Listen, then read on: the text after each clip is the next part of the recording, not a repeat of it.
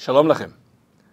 אז הנה אנחנו מתחילים מחדש את ספר בראשית, פרשת בראשית, הפרשה הראשונה, ואנחנו מתחילים מתוך שמחה והתלהבות לקרוא מחדש בתורה.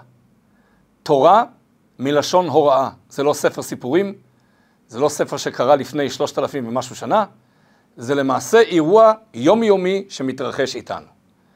אז בואו ננסה לחזור לפסוק אחד, לפחות מהפרשה, ונראה איך זה מדבר אלינו ואיך זה משפיע על החיים שלנו כאן ועכשיו. אז התורה מתחילה מההתחלה, מבראשית. מה קרה ביום הראשון, מה קרה ביום השני, ואז ביום השישי נברא האדם. ואחרי שהאדם נברא, אז יש פסוק שאומר, וזה נמצא בפרק ב', פסוק י"ח, לא טוב היות האדם לבדו, אעשה לו עזר כנגדו.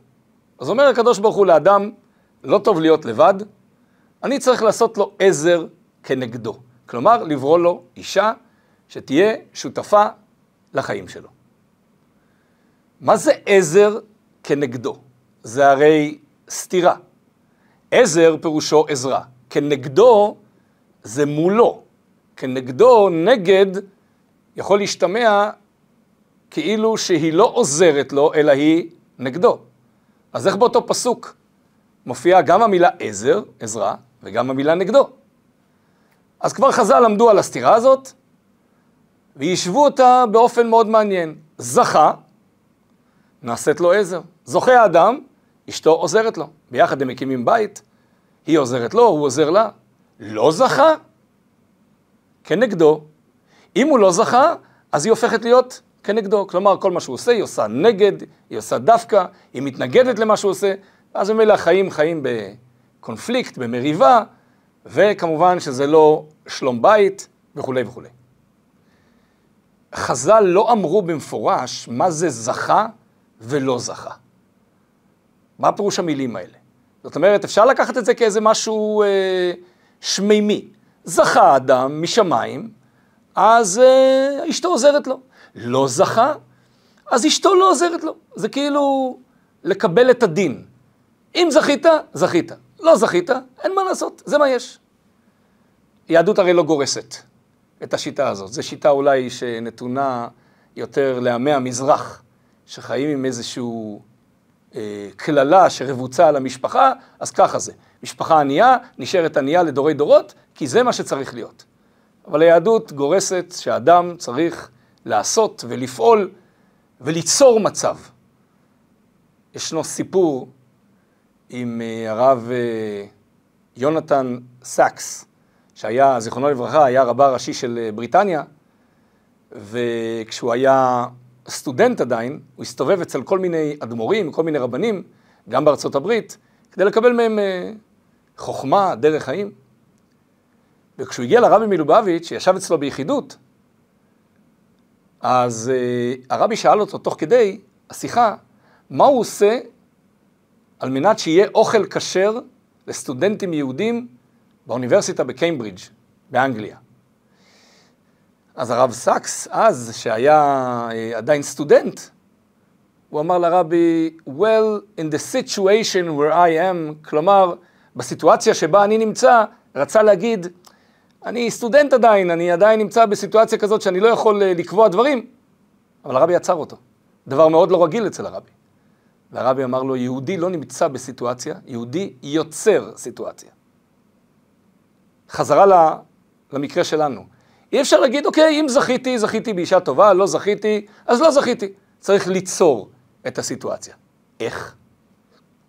אז זה מעניין, שכשהגמרא מדברת על אה, עזר וכנגדו, אז הגמרא אומרת, במערבה, בארץ ישראל, כשהחתן היה מתחתן, אז היו שואלים אותו מצה או מוצא.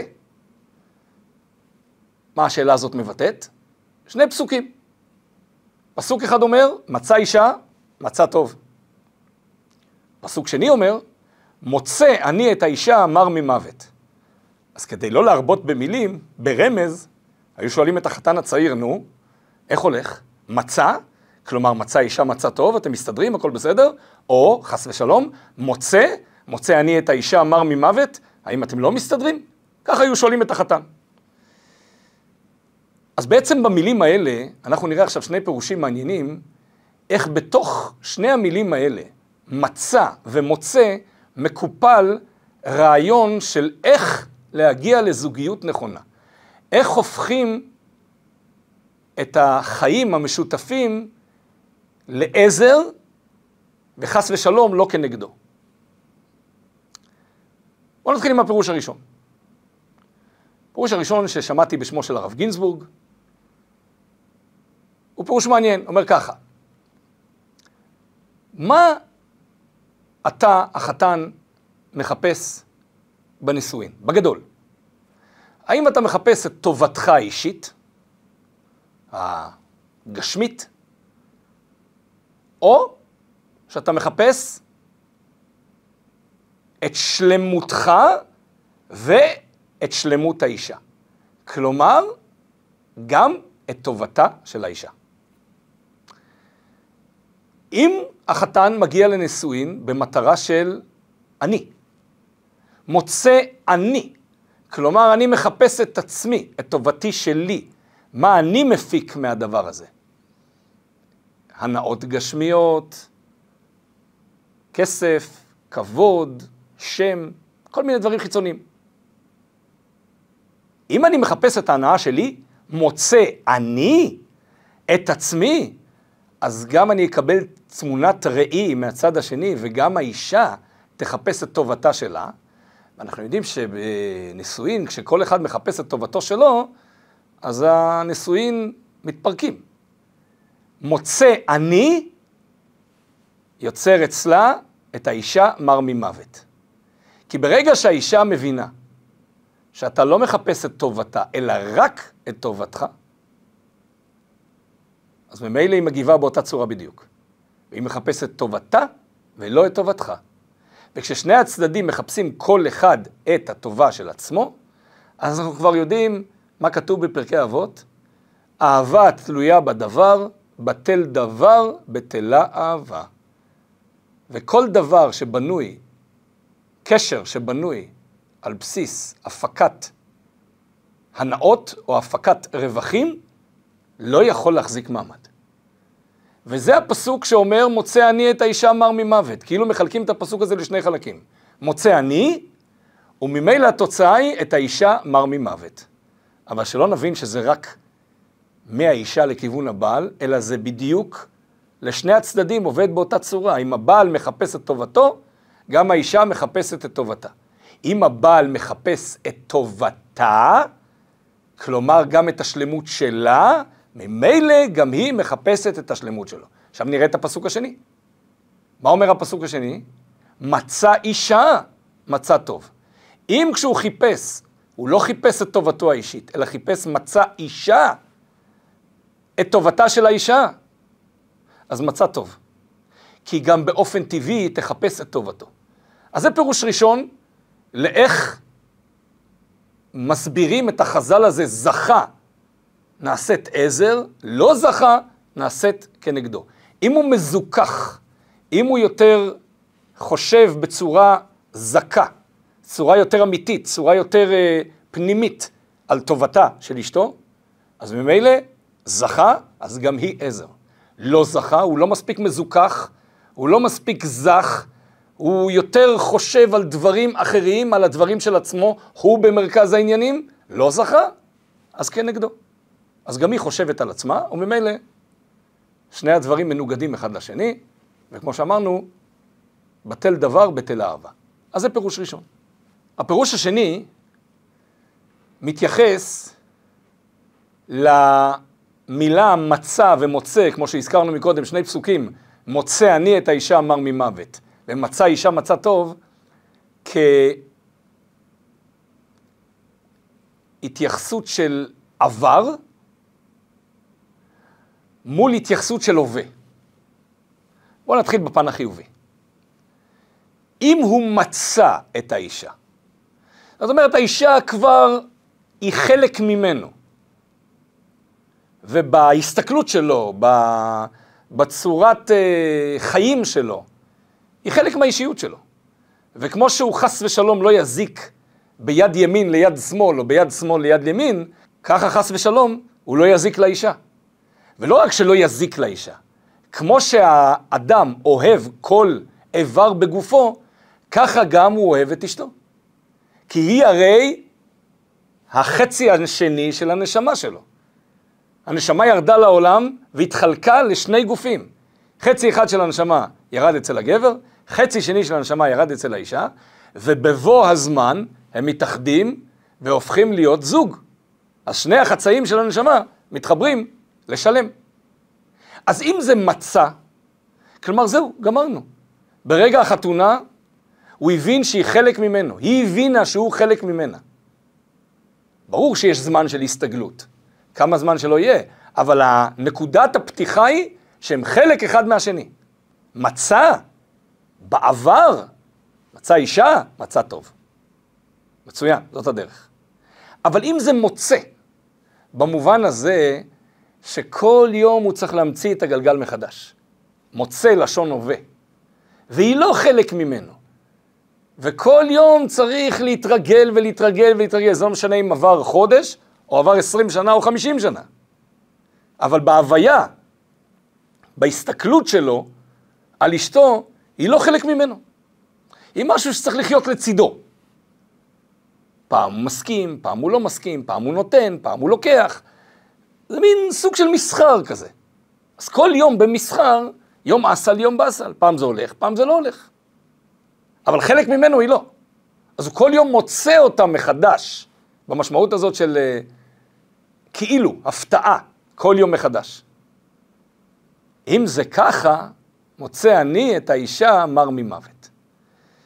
ושוב, זה לא רק בנקודת הסתכלות של הגבר לאישה, אלא גם הפוך, מהאישה לגבר, מהאישה לאיש. לזאת ייקרא אישה, כי מאיש לוקחה זאת.